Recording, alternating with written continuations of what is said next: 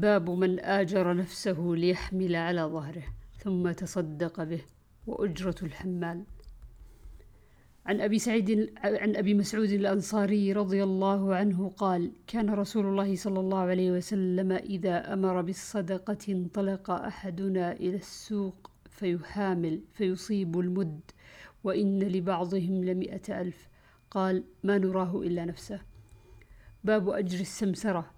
ولم ير ابن سيرين وعطاء وإبراهيم والحسن بأجر السمسار بأسا. وقال ابن عباس لا بأس أن يقول بع هذا الثوب فما زاد على كذا وكذا فهو لك وقال ابن سيرين إذا قال بعه بكذا فما كان من ربح فهو لك أو بيني وبينك فلا بأس وقال النبي صلى الله عليه وسلم المسلمون عند شروطهم عن ابن عباس رضي الله عنهما نهى رسول الله صلى الله عليه وسلم أن يتلقى الركبان ولا يبيع حاضر اللباد. قلت يا ابن عباس ما قوله لا يبيع حاضر اللباد؟ قال لا يكون له سمسارا. باب هل يؤاجر الرجل نفسه من مشرك في أرض الحرب؟ عن خباب قال كنت رجلا قينا فعملت للعاص بن وائل فاجتمع لي عنده فأتيته أتقاضاه. فقال لا والله لا أقضيك حتى تكفر بمحمد. فقلت أما والله حتى تموت ثم تبعث. فلا. قال وإني لميت ثم مبعوث. قلت نعم. قال فإنه سيكون لي مال ثم وولد فأقضيك. فأنزل الله تعالى أفرأيت الذي كفر بآياتنا وقال لأوتين مالا وولدا. باب ما يعطى في الرقية على أحياء العرب بفاتحة الكتاب. قال ابن عباس عن النبي صلى الله عليه وسلم حق ما أخذتم عليه أجرا كتاب الله. وقال الشعبي لا يشترط المعلم إلا أن يعطى شيئا فليقبله. وقال الحكم لم أسمع أحدا كره أجر المعلم. وأعطى الحسن عشر وأعطى الحسن دراهم عشرة. ولم ير ابن سيرين بأجر القسام بأسا وقال كان يقال السحت الرشوة في الحكم وكانوا يعطون على الخرص. عن أبي سعيد رضي الله عنه قال انطلق نفر من أصحاب النبي صلى الله عليه وسلم في سفرة سافروها حتى نزلوا على حي من أحياء العرب فاستضافوهم فأبوا أن يضيفوهم.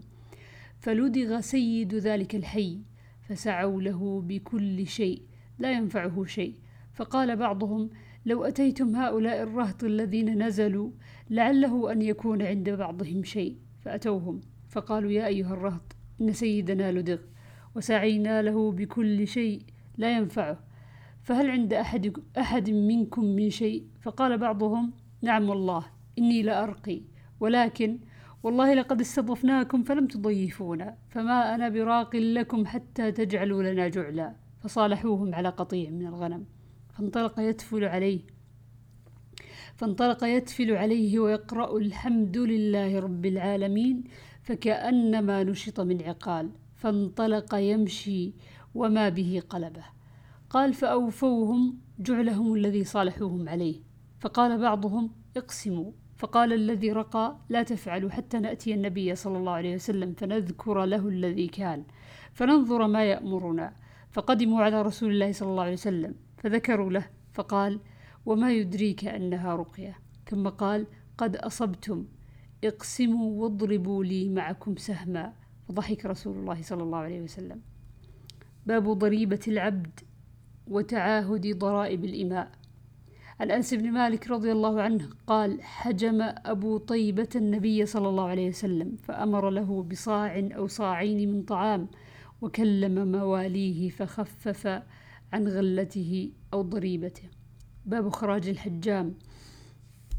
عن ابن عباس رضي الله عنهما قال احتجم النبي صلى الله عليه وسلم وأعطى الحجام أجره. وعنه رضي الله عنه قال احتجم النبي صلى الله عليه وسلم وأعطى الحجام أجره ولو علم كراهية لم يعطه. عن أنس رضي الله عنه قال كان النبي صلى الله عليه وسلم يحتجم ولم يكن يظلم أحدا أجره. باب من كلم موالي العبد أن يخففوا عنه من خراجه. عن أنس بن مالك رضي الله عنه قال دعا النبي صلى الله عليه وسلم غلاما حجاما فحجمه وأمر له بصاع أو صاعين أو مد أو مدين وكلم فيه فخفف من ضريبته. باب كسب البغي والإماء وكره إبراهيم أجر النائحة والمغنية.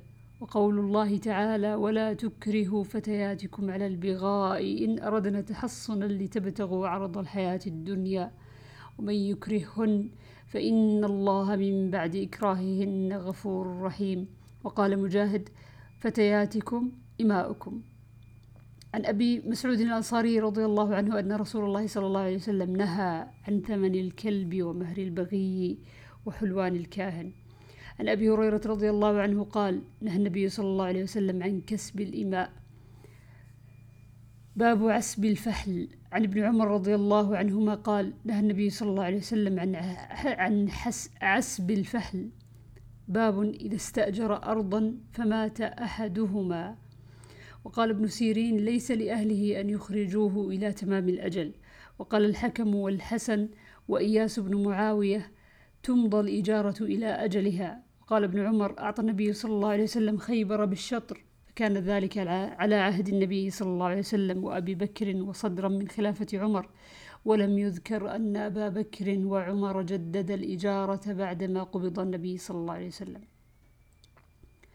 عن عبد الله رضي الله عنه قال أعطى رسول الله صلى الله عليه وسلم خيبر أن يعملوها ويزرعوها ولهم شطر ما يخرج منها وأن ابن عمر حدثه أن المزارع كانت تكرى على شيء سماه نافع لا أحفظه وأن رافع بن خديج حدث أن النبي صلى الله عليه وسلم نهى عن كراء المزارع وقال عبيد الله عن نافع عن ابن عمر حتى أجلاهم عمر.